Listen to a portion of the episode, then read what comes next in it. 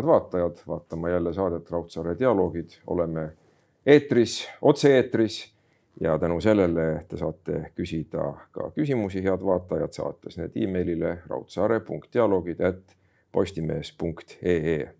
tere tulemast, Sirje Potissepp. tere tulemast. Rõõm on näha siin säravat Eesti Toiduliidu juhti. no saate te ikka magada, mulle tundub, et te magate hästi siiski, et vaatamata sellele, et meil on jällegi need nakatumisnäitajad üles minemas ja probleeme ju on kõikjal. ja aitäh kutsumast kõigepealt, et äh, ütleme niimoodi, et te jälle kohe saate alguses tabasite selle naela pihta, mis on võib-olla minul üks, üks probleemne koht, et ma tõepoolest magan väga halvasti üldiselt inimesena. Ja, ja ma mäletan, et ma, mul on see nii-öelda viga juba keskkooli ajast saadik ehk et ma, ma tahaksin rohkem magada, kui ma magan. Ja sõltumata muidugi äh, ajaperioodidest, kus on tõesti pingelisem, vähem pingelisem, vähem pingelisemat aega võib-olla Toiduliidu juhina mul ei olegi olnud. Aga üldiselt jah, et ma vajan äh, und vähe, aga tahaksin rohkem. aga selle eest, kui on võimalus nädalavahetustel mõnuleda kasvõi niisama ja häid mõtteid, sest head mõtted tulevad alati öösel või natukene äh, vastu hommikut, siis ma kindlasti seda teen. kuidas need kirja panna? Kuidas fikseerida head mõtted, kui nad öösel tulevad? kirjapanekuga on halvasti, sellepärast et me ikkagi magame abikaasaga ühes, ühes toas ja ühes voodis ja ma ei taha teda kindlasti mitte segada, nii et, et võib ka nii juhtuda, et kui öösel hea mõte tuleb, siis hommikuks on see hea mõte juba ära meelest läinud, sest kogemata oled sa ennem üles, üles ärkamist siiski suigatanud. ja, ja on ka seda, on ka selliseid aegu olnud, kus mul on olnud nagu pastapliiats ja paber suhteliselt oma öökapi arvuti juures. Ja tõesti, ma olen püüdnud sinna pusida siis pimedas mingi märksõna. Ja kusjuures see on töötanud, aga ma loobusin sellest Põhja-Tallinna ajal Põhja-Tallinna sellel... linnaosa vanema just, töö ajal. just mm, -hmm. loobusin sellest äh, sellepärast, et siis nagu, siis sa ei saagi magama jääda, sest sul ongi kogu aeg ainult mõtted ja ainult loomulikult head mõtted, et mida järgmine päev teha, kas paremini teha lisaks või midagi sarnast, et jah, et selles võtmes olen ma nagu tohutu ideede generaator iseendale ja kindlasti ka tohutu tööloom. no just rääkides töökoormusest intervjuus paar aastat tagasi eh, Haldi Normet Saarnale Ehm, ütlesite nii, et ehm, tulles koju hilja ööl, tuleb läheneda voodile selg ees. nii et siis, kui mees ärkab, võib talle öelda, et ma nüüd lähen tööle varavalges, ühesõnaga jah, selline nali oli ja selle nalja andsid mulle kaasa just nimelt Põhja-Tallinna linnaosa vanemaks minekul minu sõbrad, et ja, ja elu näitas seda, et nii oligi. ja nii oligi. nii oligi ja, ja see oli väga-väga väga-väga raske aeg, aga ma ju siis ei teadnud veel, mida ma teen järgmisena. ja mul on elus olnud see õnn, et mind on igale poole ise kutsutud, ehk et mul on tegelikult olnudki ainult kolm töökohta, kui nii võib öelda. Remeedia, Põhja-Eesti linnaosa ja, ja Toiduliit. ja Toiduliit. Põhja-Tallinna linnaosa vanemaks mind kutsuti ja kindlasti ma ei oleks seda otsust teinud Remediast äraminekul, sest äh, mul ei olnud, mul oli, Remedia oli meie enda ettevõte, me olime selle meeskonnaga üles ehitanud, meil oli seal, meil olid seal omad töökohad ja me ajasime nii-öelda siis oma asja. aga Põhja-Tallinna linnaosa vanemaks äh, ettepanek tehti mulle ja see ju läks kokku just selle aja, ajaga, kui kauaaegne Remedia tegevjuht härra Indrek Kirss oli Nepaalis matkamas. Ja ma ei saanud temalt nõu küsida ja ma tegin selle otsuse siis nii-öelda iseseisvalt ja, ja ma olen täiesti veendunud, et kui Indrek Kirss oleks olnud Eestis sellel hetkel ja ma oleks tema juurde selle jutuga läinud, siis jutt sinna täpselt olekski jäänud ja ma oleks Remedias olnud edasi. aga Põhja-Tallinna linnaosa vanemaks minemine muidugi ma olen selle eest äärmiselt tänulik sellepärast et see andis, see aasta andis, see oli siis aasta kaks tuhat neli kuni kaks tuhat viis, andis mulle ikkagi nagu meeletu suure, meeletu suure ja täiesti hindamatu äh, tutvusringkonna ka tänaste poliitikute näol. nii et, et pigem on nagu ka tänased äh, parlamendiliikmed ja, ja kui tulevad nad uutest erakondadest, keda ma võib-olla tõesti mõndasid ei tea, siis igal juhul saan ma neid äh, üsna pea oma töö tõttu teadma ja meil oli ju väga vahva seltskond Keit Pentus kesk, kesklinnavanem, Sirje Potissepp Põhja-Tallinna linnaosavanem, Anno, Anno Pevkur Nõmme linnaosavanem, Taavi Rõivas Haabersti linnaosavanem ja Remo Holmsmer Kristiine. no nimed, mis ei vaja tutvustamist. absoluutselt, et, et selles osas noh, nagu pärast jällegi nalja pärast oli öeldud, et, et Sirje Potissepp, kuna mina olin sellest seltskonnast sellel hetkel kõige vanem, et tuli jälle lastega kolmapäeval siis nagu linnavalitsuse koosolekule.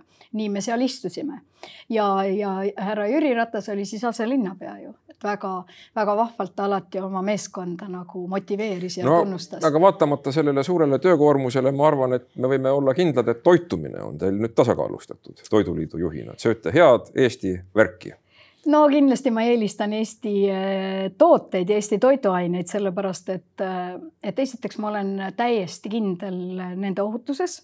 Ma väga konkreetselt tean, kuidas neid tooteid äh, toodetakse, sest ma olen ju käinud enamustes Eesti toidutööstustes. kuhu enamik vaatajatest kunagi ei satu sinna taha tootmisse. jah, tavaliselt ja. küll ei satu, et me teeme küll avatud toidutööstuste nädalaid, aga viimased kaks aastat on olnud ka need veebis, sellepärast et ikkagi tootmises on väga väga-väga rangelt seoses koroonapiirangutega ka kõikvõimalikke külastusi ja, ja selliseid noh, kui võib nimetada ekskursioonideks, nimetame neid siis tootmise ringkäikudeks. aga kas koroona nii väga üldse saia kaudu levib? minu meelest mitte. pigem on probleem selles, et inimesi, kes töötavad tööstuses, on vähe.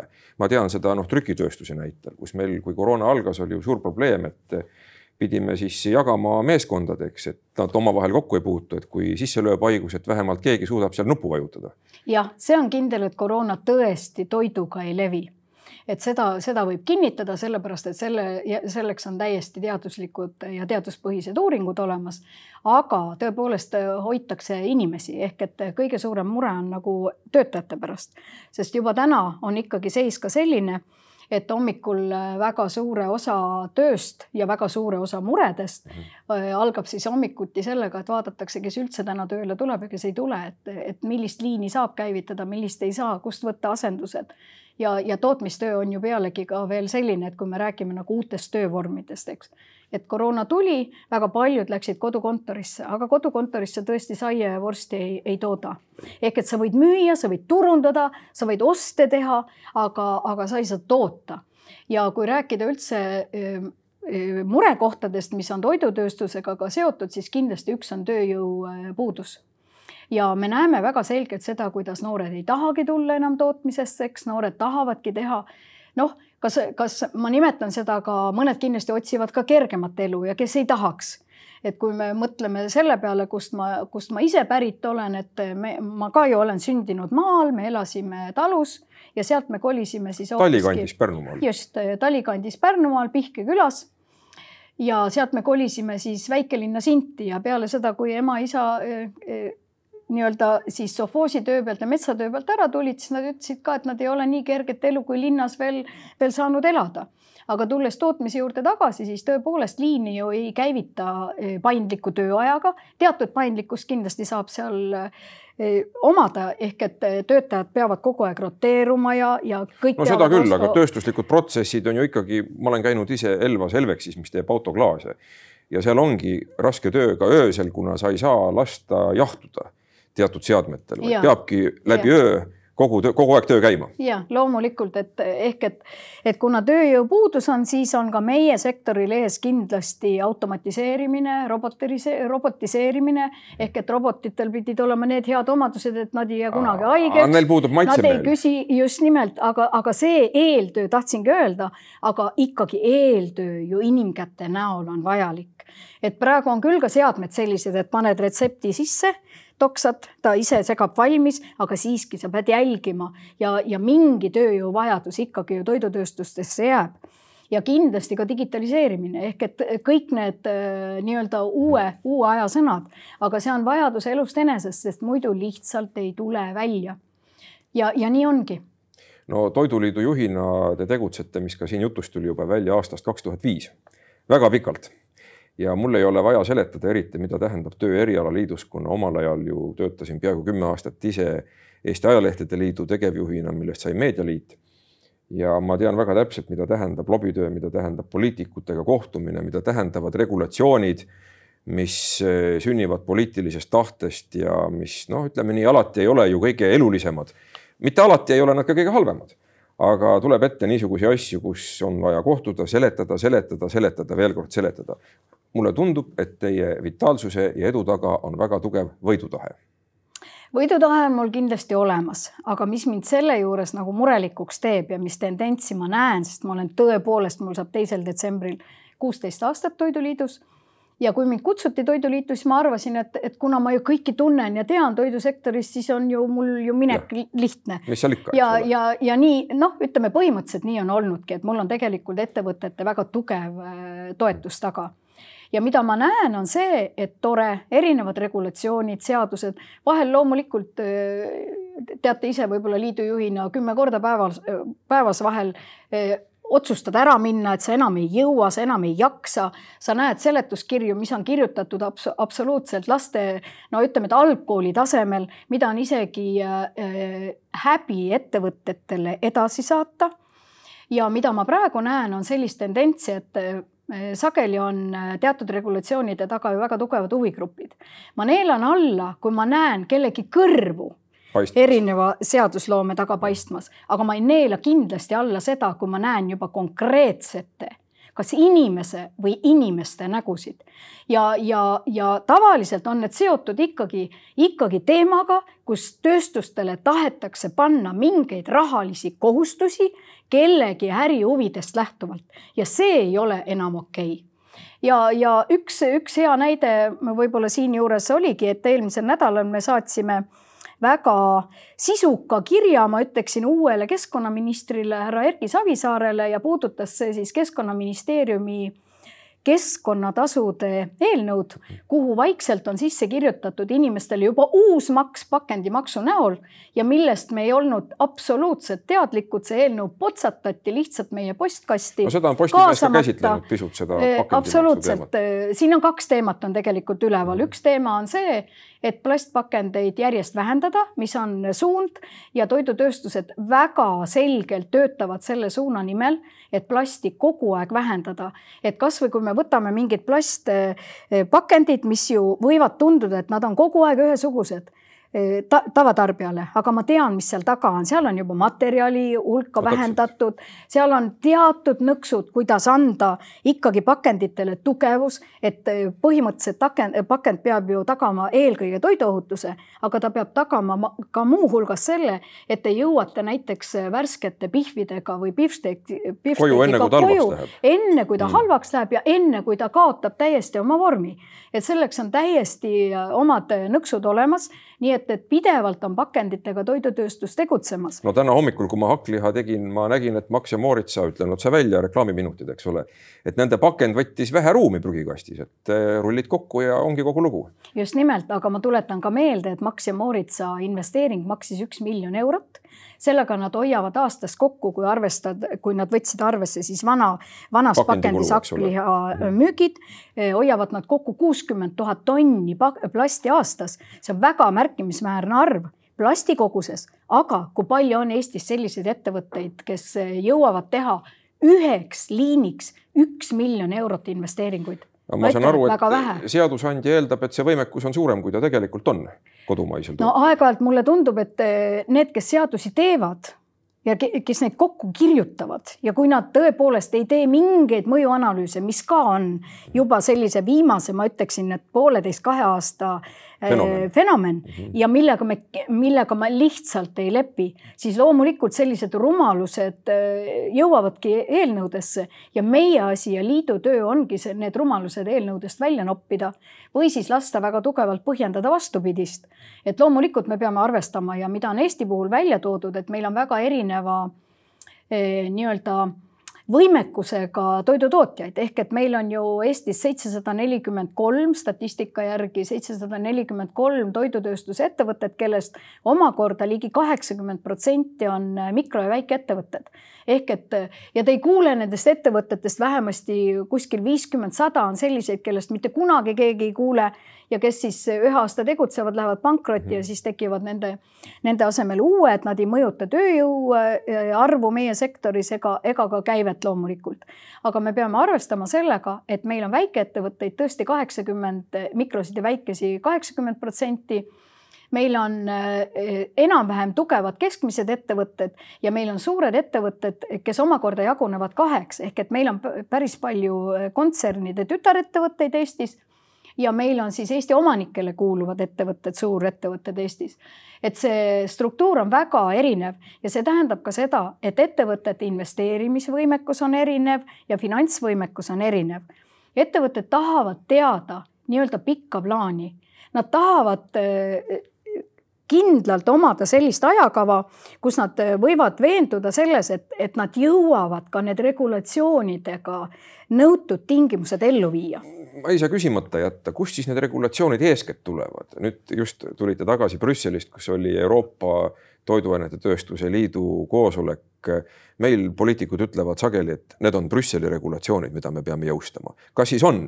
ikka või tuleb ikka koha pealt ka ühte kui teist või see on eh, ettekääne või? see on nii ja naa, et see on väga hea küsimus teil muidugi ja tõepoolest võib öelda, et regulatsioonid väga tihti saavad alguse Euroopa Liidust ehk et siis sealtsamast Brüsselist, et kui vanasti öeldi, et regulatsioonid tulid Moskvast, Moskvast ja, ja suitsuvorsti ja Vana-Tallinnaga sai neid enda kasuks kas siis pöörata või kuidagi muuta, siis loomulikult nüüd ei ole see enam nii kerge.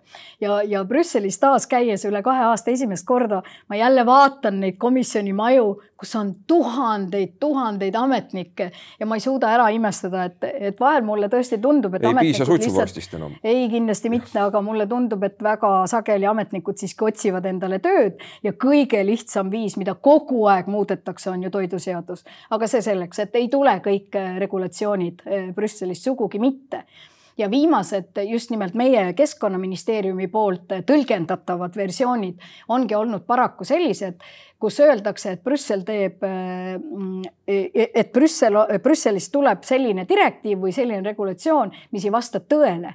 et seal on ikkagi tõlgendamise küsimus ja meie ametnikud siis tahavad regulatsioonidele nii-öelda vinti nii palju peale keerata, et teha Eestist täiesti ainulaadse ja unikaalse riigi, pannes oma ettevõtted sellega absoluutselt ebavõrdsesse olukorda konkurentsiturul. sellepärast ma tean natukene neid Euroopa reegleid, on olemas ju direktiivid, on olemas määrused Just. ja ühtede puhul on need tõesti ülevõtmiseks, aga enamasti, eriti valdkondades, kus Brüsselil ei ole niisugust võimukompetentsi, antakse soovitusi just nimelt. ja, ja, ja, ja see on siis noh, sul on seal selline piisav ruum koha peal, et nii või teistsugusel viisil neid soovitusi ellu viia ja see viis võib olla väga erinev. aga miks mulle tundub, et eh, meil on aeg-ajalt nii, et peksa omasid, et et teised kardaksid?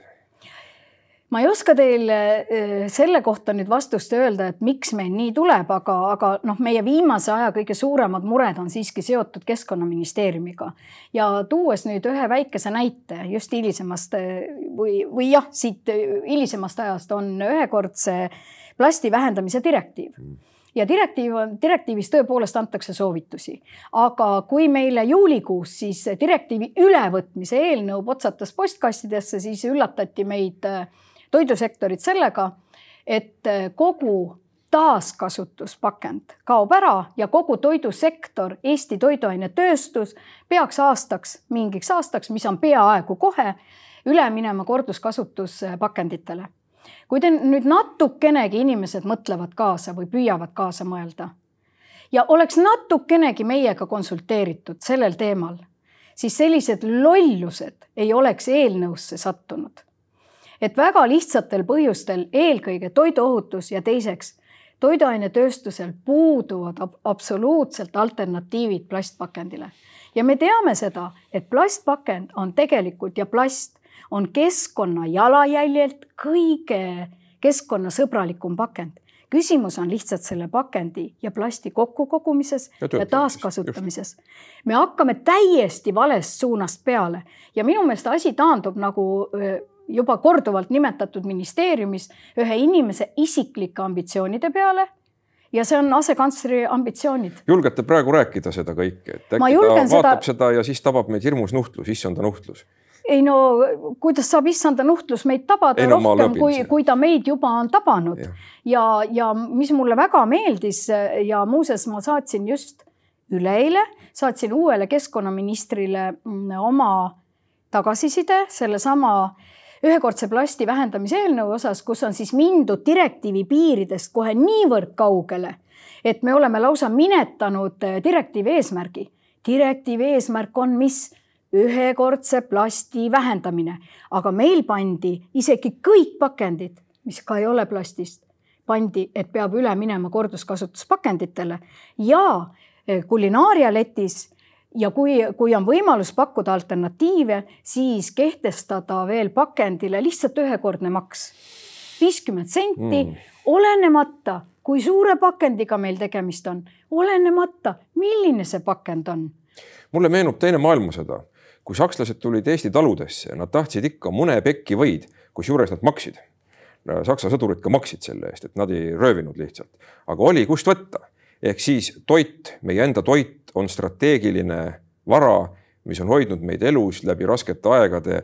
ma ei taha olla siin mingisugune tohutu õnnetuse prohvet, aga me ju näeme, et maailmas on keerulised ajad.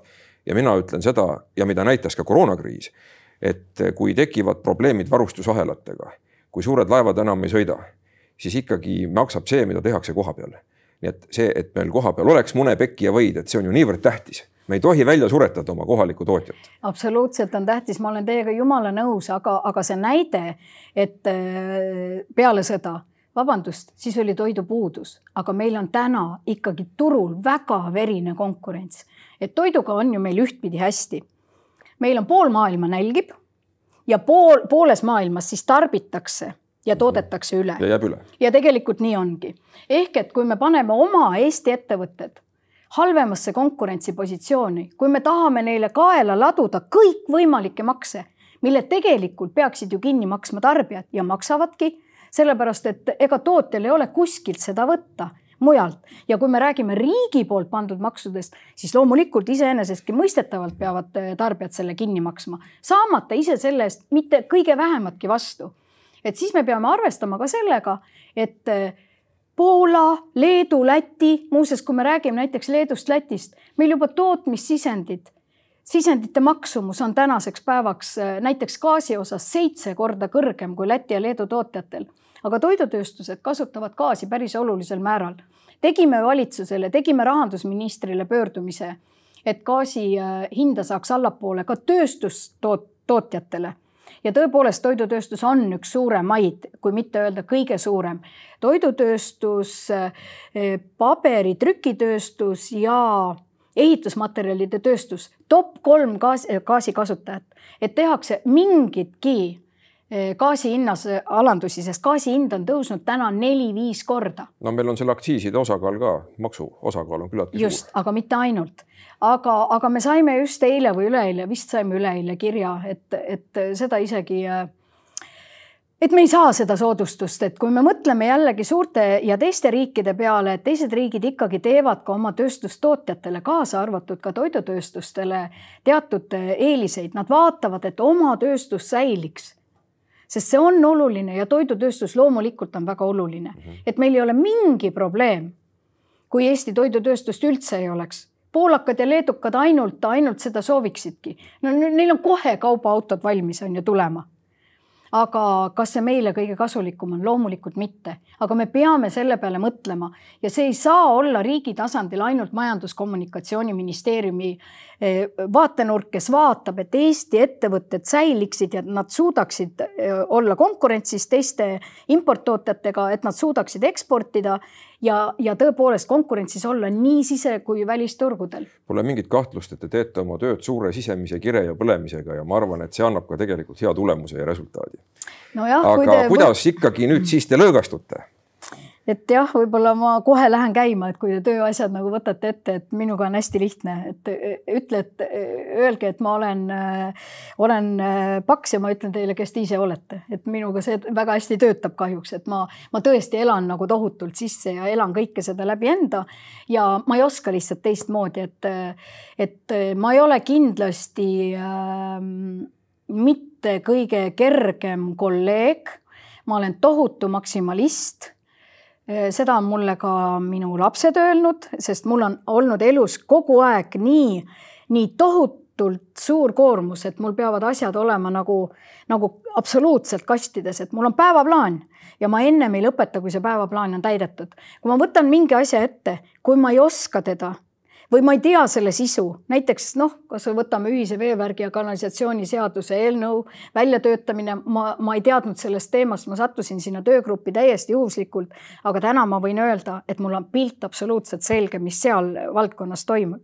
ehk et ma leian inimesed, ma küsin, ma teen endale teema selgeks ja siis ma lähen.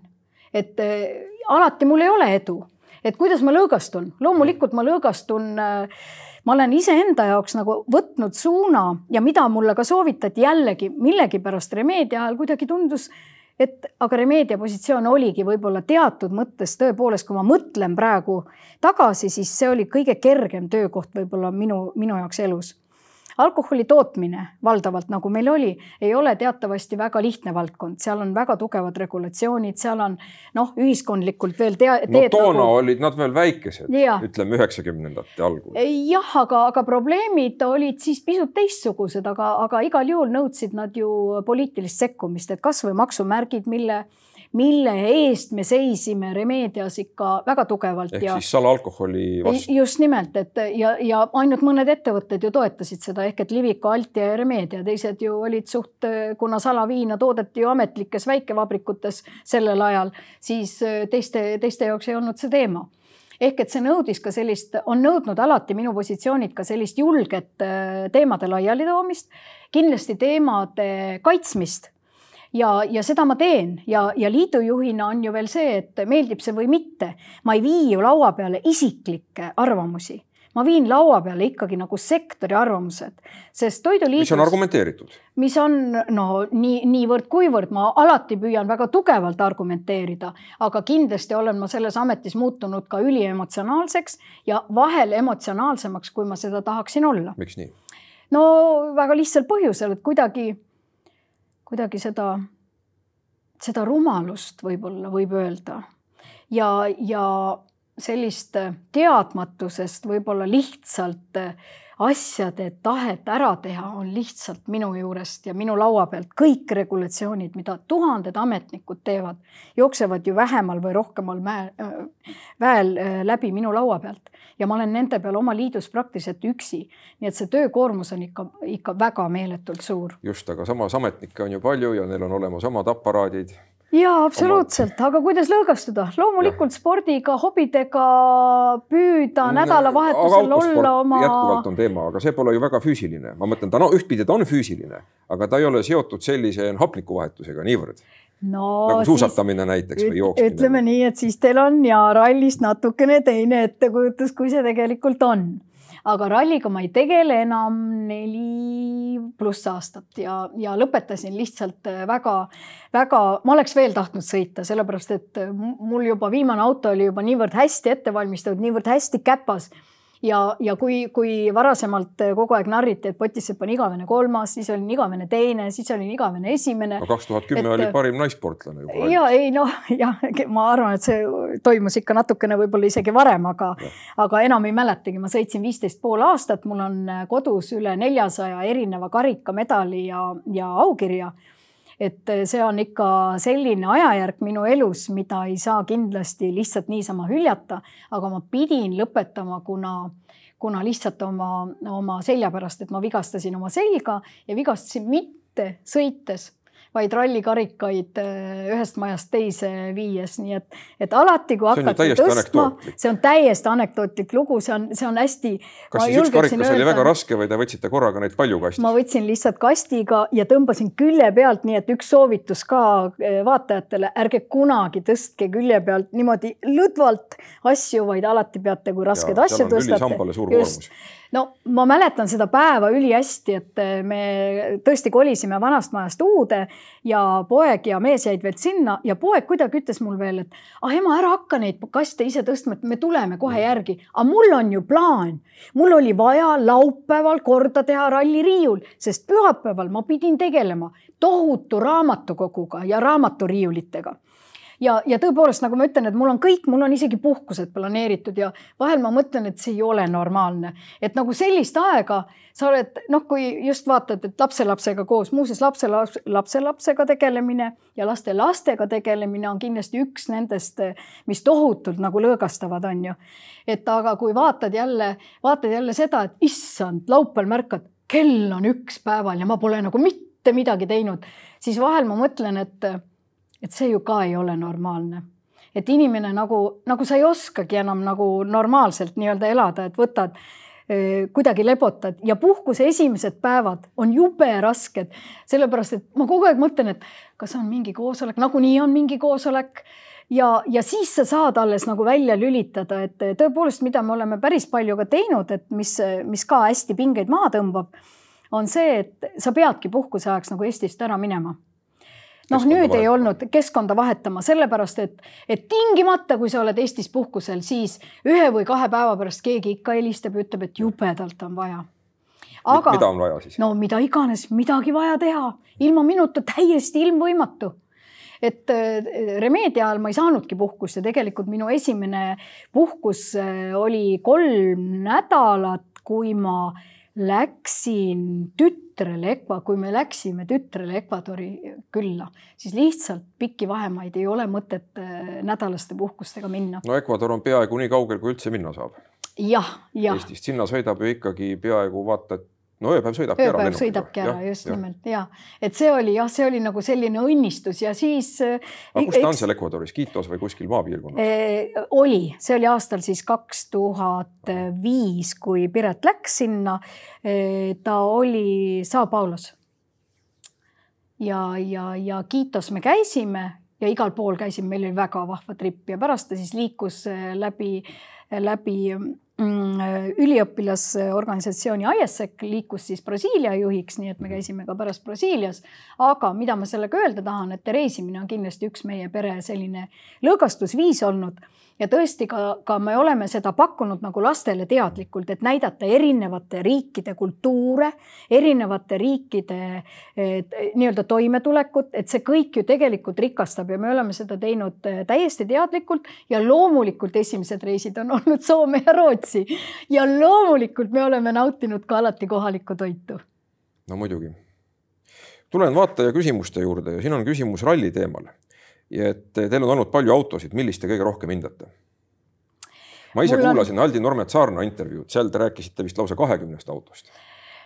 jah, mul on olnud isiklikke autosid tõesti päris palju elus ja ma pean tunnistama, et mul on väga raske välja tuua eh, teatud eeliseid, ma olen teinud väga teadlikud valikud, aga kuidagi on minu südamelähedased ikkagi eh, Jaapani autod, mitte Saksa autod.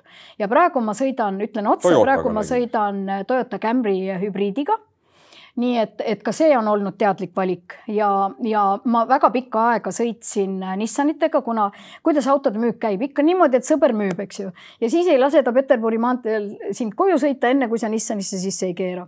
Et sõitsime Nissanitega, väga head ja vastupidavad autod, olid kunagi Almerad, meil oli müügiosakonnal olid, olid kõigil. Ja siis ma kuidagi liikusin, kuna ma vahetasin ka ralliautot, siis ma liikusin Hondade peale ja tõesti võib öelda, et Hondade ja Toyotade puhul ma, ma toongi välja selle, et eh, mitte, mitte tahtes öelda, et Nissanil oleks, oleks olnud neid väga palju rohkem, aga siiski oli, et Hondadega ja Toyota, Toyotadega oleme me liikunud ainult ühest kohustuslikust hooldusest teise, praktiliselt mitte mingeid probleeme ja mulle tundub, et sõida igavesti. ja ralliautode koha pealt kindlasti minu üks lemmikautosid oli äh, just nimelt äh, valge Nissan äh,, Nissan Sunny ja loomulikult jääb meelde, oi jumal, ma ei mäleta neid aastaid enam, et esimene ralliauto oli. mul on endal olnud Nissan Sunny. jah, esimene ralliauto oli mul, äh, oli meil äh, jumal hoidku Micra, ametlik ehk et Nissan Balti andis meile sõita siis Nissan Micra. muidugi pisike, mitte ainult pisike, ta on muuseas väljast pisike, ta on seest väga suur, tohutult mõnus auto, aga ta oli ühe koma neljase mootoriga. Ja absoluutselt kõik, kõik automaatpidurid ja kõik asjad peal, midagi ära ei saanud võtta, kõik olid elektroonikaga seotud. Ja see, et me võitma hakkasime, see oli puhas juhus ütleme nii. siis oli mul valge Nissan Sunny, mis läks ühel Rapla kardirajal ühel võistlussõidul, aga mul oli juba võit käes, läks põlema. aga kuna mul oli nädala pärast oli ralli, järgmine etapp, siis ostsin ma kohe punase Nissan Sunny GTI-d muidugi, me räägime GTI-st, et, et tavalisega poleks seal midagi teha olnud ja siis juba tuli Honda Civic VTI, nii et sellega ma siis lõpetasin ja, ja kõik ralliautod ma olen enda jaoks teinud nagu sada protsenti kindlaks. ehk et minu sõidustiil oli täpselt selline, et ma hommikul, rahvarallis on ju see eelis, et ei pea olema puure, isegi keelati vahepeal puurid ära ja mul ei ole kunagi olnud. ehk et minu eh, deviis oli sõita hommikul autoga taga, kohale ja õhtul sama autoga tagasi. et ta jääks terveks. et ta jääks terveks. ei ole munakujuline. niivõrd-kuivõrd aga üldiselt ma katkestasin. issand, ma pole tehnilise pärast mitte ühtegi sõitu viieteist poole aasta jooksul katkestanud, isegi kui ma olen auto nii-öelda puruks sõitnud, siis on, on seda, on seda tõmmatud vastu puud sirgeks ja ma olen lõpuni saanud ma olen seda ise ka näinud, kuidas trossi jootakse ümber puu ja auto tagurpidi tõmmatakse just, jälle sirgeks lõõtsmooni. ehk et õõts, õõtsoop tõmmatakse niimoodi ja, sirgeks ja, näiteks. nii, et jah, et mis see rallisõit mulle andnud on, kindlasti hästi palju kogemust koostööks sest rallis ju sa teed ju koostööd ju kaardilugejaga on ju. nalja pärast võib öelda, et kõik vead, mis autos on, on kaardilugeja vead, eks ju,. juhid ütlevad seda alati. Nii, aga kindlasti, mida ralli on mulle õpetanud, on õpetanud ka kaotama et minu diviis oli hommikul üles tõusta alati ja sõita esimeseks. aga see on väga huvitav teema. ma võtan nüüd endale privileegi küsida, et kuidas siis kaotada väärikalt? kuidas kaotada väärikalt, et eh, kui sa esimeseks ei saa, siis minu jaoks juba iga järgmine koht tegelikult oli kaotus aga sa ei tohi seda mingil juhul välja näidata, sa ei tohi seda mingil juhul välja näidata oma kõige suurematele konkurentidele. mind on õpetanud profirallisõitjad päris palju mm, -hmm. et hästi palju on, öeldakse et, et üheksakümmend üheksa protsenti on, on töö nii-öelda ralliautos, üks protsent on õnn. Ja kui sul seda ühte protsenti ei ole, siis sa ei võida. Ja minul pidevalt ei olnud seda ühte protsenti. kuna sõidetakse ju ikkagi noateral, kõik on viimase peal just, väljas ja mis oli veel noh, minu nii-öelda võib öelda nalja pärast häda, et kindlasti see, et ma ju alustasin suhteliselt hilja. tõsi, mind kutsuti ka profirallit sõitma siis, kui ma olin kolmkümmend viis ehk et aasta, kolmekümne viie aastane. aga siis ma mõtlesin, mõtlesin ja, ja ma loobusin ja loobusin tegelikult oma poja ütlemise peale, et kui me sellest nagu pereringis arutasime, no ma aeg-ajalt arutan, aga ma ju tean, mis vastus on ja ma otsused teen ju ikkagi tegelikult ju ise ja, ja poeg äh, alguses ei öelnud midagi, see oli üks reedene päev ja siis mingil hetkel poiss tuleb järgmine nädal, tuleb mingil päeval koju ja, ja äkki ütleb, et tead, ema, ma mõtlesin, ära ikka mine seda prohvirallit sõitma, see on ikka ohtlik ka. Ja siis ma esimest korda nagu tajusin seda, et kuigi ma olen öelnud, et minu pere on võtnud minu rallisõidu nagu suhteliselt normaalselt vastu, ma arvan, et see ongi olnud suhteliselt normaalselt aga see on tähendanud viisteist pool aastat tegelikult minu ajagraafikus olemist. Mm -hmm. kuidas me oleme pidanud puhkusi äh, planeerima, kuidas me üritusi oleme pidanud planeerima, kuidas me pidevalt üritustele hiljaks jäime, aga ma ei jätnud minemata, mitte kordagi, aga ma ikkagi, kui ma teen midagi, siis ma teen seda kõike tõesti maksimaalselt ja maksimaalse kirega ja võidutahtega ja kuidas kaotada, seesama, et äh, sul peab olema väärikust äh, endale tunnistada, et sa tegid ise midagi valesti. ehk et äh, ma pean oma sõitu analüüsima. ma, ma pidevalt pidin ütlema endale, et Sirje, sa pead võtma rohkem riske, sest muidu sa ei võida. ja ma ei suutnud seda ehk et kui inimene on teatud vanuses, siis alalhoiuinstinktid lähevad vanusega minu meelest järjest tugevamaks. ja, ja ei, ja mitte kedagi ei huvita kui mitme sekundi või minutiga sa võidad. Tähtis on sõita nii, et sa võidad, sest mitte keegi ei mäleta pärast, kui, kui väikese või suure ajavahega, ajavaruga sa võitsid. just, ja sa pead olema nagu tõesti väärikalt selles võtmes kaotama, et eh, vaata, analüüsi oma sõitu. muidugi, mis mind alati on käivitanud, et kui tõesti on sellised täiesti nagu ebaausaid võtteid kasutatakse, ollakse, ollakse nagu räägitakse valet juttu või ka rumalus käivitab. kas rallis ka on ikka ebaausad võtted, kas saboteeritakse siis tõesti? No Tuleb seal on erinevaid selliseid variante ja, ja eks need inimesed kippusid ka olema ikkagi ühed ja samad, kes vaidlustasid midagi ja, ja ka juhtub, ega siis mm. korraldajatel ka juhtub, ma ei tea, ajavõttudega midagi mis iganes, et, et ikka selliseid asju tuli ette, aga mm. endaga seoses ma ei, ei mäletagi ühtegi sellist, kus mul oleks süda jäänud niimoodi valutama. üks kord oli aga ma olen selle ka juba andeks andnud ja, ja nagu ma ütlen, et tegijatel juhtub, et hea, et üldse selliseid korraldajaid on. et tõepoolest meil oli ühele rallikatsele minek, see oli viimane katse ja meil oli, oli eh, väga suur edu. me tahtsime esimeseks saada ja meil oli potentsiaal selleks täiesti olemas ja juba esimene šikaan ehk et šikaan on siis selline takistus, kus sa pead hoo maja, ah, maha võtma, eriti pannakse neid rahvarallis, sest muidu lähevadki kiirused suureks. ja, ja tal oli, ta oli pandud valesti ehk et me teadsime, et näiteks sisse tuleb sõita vasakut kätt, sest see on väga oluline. sa hakkad juba, võtad ju vasakusse äärde, hakkad sealt minema, aga tegelikult oli pandud siia ja kui kaardilugeja mulle seda ütles, et šikaan vasakult, ma, ma leian ennast paremalt ja mul on suur-suur põhukuhi ees ehk et see selline suur põhupall. ennem seda ma sain pidama, aga mis see tähendab? loomulikult ma kaotasin aega. ma hakkasin kohe, mida ei tohi teha kunagi rallis, et sa hakkad kohe hirmsalt tagasi võtma, et noh, nüüd ma võtan need sekundid tagasi.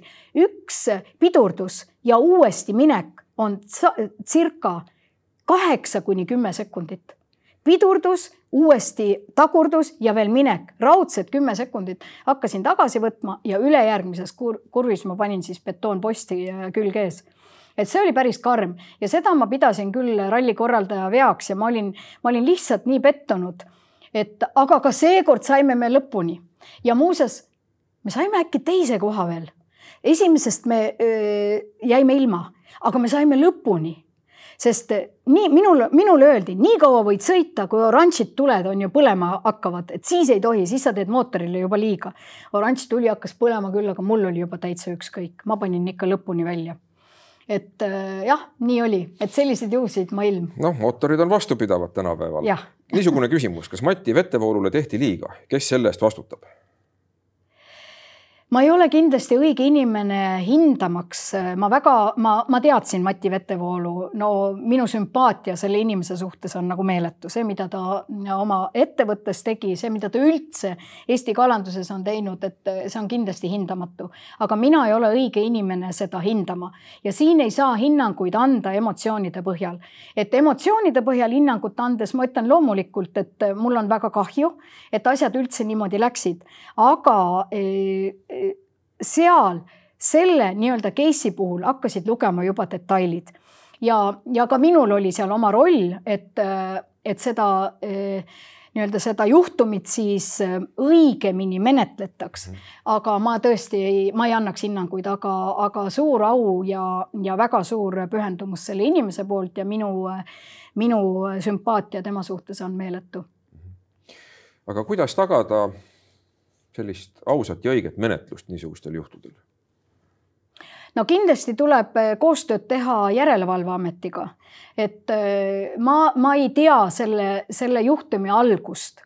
Ja, ja mm, ja minu meelest noh, mida elu minule on õpetanud, et eh, hästi lihtsad asjad, et minu ema ja isa on õpetanud mind ka ja kasvatanud mind ka vaimus, et kui sa midagi teed ja kui noh, kõigepealt see, et kui sa midagi ise ei oska, küsi alati, et inimesel on äh, suu sellepärast peas, et küsi abi.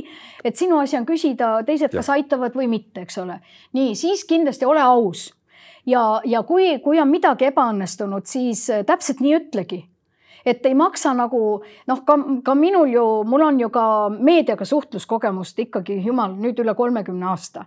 ja, ja mina olen aru saanud sellest, et, et räägi lihtsate sõnadega, räägi ausalt, see aitab hästi palju kaasa tee eh, koostööd sellesama Järelevalveametiga, et see tagab selle, et sa saad kiiremini jaole tootmistes juhtub igasuguseid asju. tuleb ette. tegijal ette. juhtub, ütleb. tegijal juhtub täpselt nii, aga ma tõesti ei tea konkreetselt selle juhtumi äh, algust, aga mida ma äh,, mida ma ei tolereeri, on see, et äh, poliitikud sinna nagu kuidagi vahele sekkusid.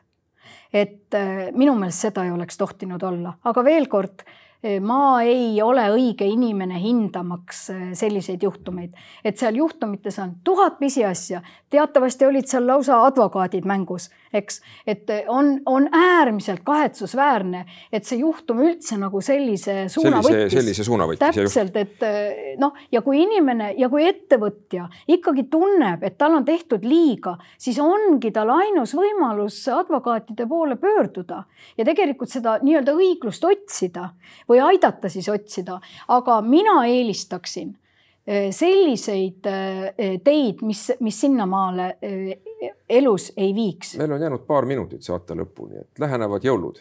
mida head võiks jõululauale panna, eeldades, et me ennast lõhki ei söö? see on alati hea küsimus ja, ja mina paraku olen hästi traditsiooniliste äh, toitude pooldaja, mis puudutab selliseid tähtsaid pidupäevi nagu näiteks jõulud, nagu näiteks vabariigi aastapäev.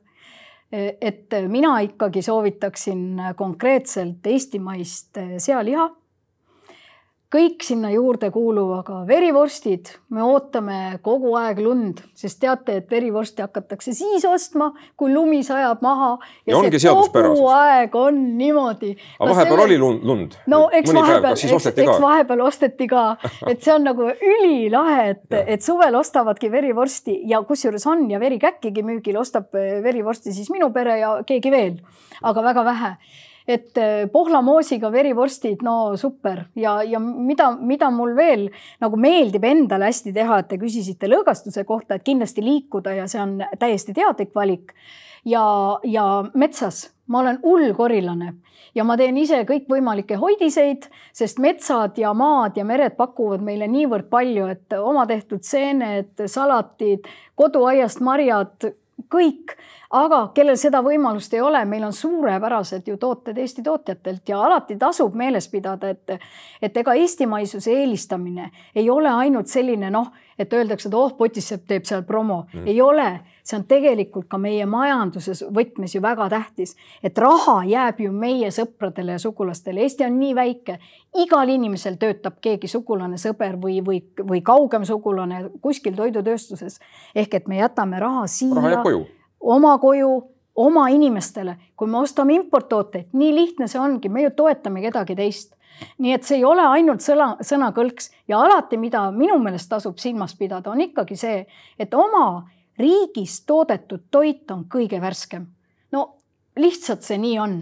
Ja on ka üks teooria lõpetuseks, et kõige paremini maitseb toit seal, kus ta on toodetud, vähemalt õlle kohta nii öeldi, et Tšehhi õlut ei ole mõtet Eestis juua, vaid tuleb minna Tšehhimaale ja vastupidi, Eesti õllede tootjad Ehm, nende toodangut võiks juua siin. Ja see vastab tõele ja ma olin nüüd kaks pool päeva Brüsselis ja ma tulin koju ja, ja õhtul koju minnes, mida ma siis tegin, võtsin lihtsalt Eesti hapukoort, väga mõnus oli nii, aitäh, Sirje Potisepp selle inspireeriva vestluse eest. aitäh kutsumast. niisugune oli Raudsaare dialoogide seekordne saade, nii et ma usun, et te saite inspiratsiooni natukene, kui mitte muu osas, siis vähemalt jõululaua osas. aga järgmise nädalani, püsige terved, kõike head teile. thank you